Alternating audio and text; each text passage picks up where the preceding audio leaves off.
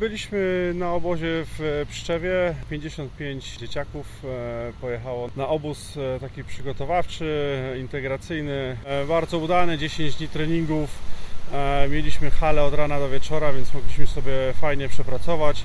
Pogoda była idealna do tego, żeby siedzieć na hali, więc e, trafiliśmy super. A skoro aż 55 zawodników czy też zawodniczek u Was y, trenuje, no to w jakich rozgrywkach planujecie wystąpić y, w tym nadchodzącym sezonie? Wystawiamy cztery e, jak gdyby ekipy. To są młodzicy, e, młodziczki, juniorki i startujemy z trzecią ligą kobiet.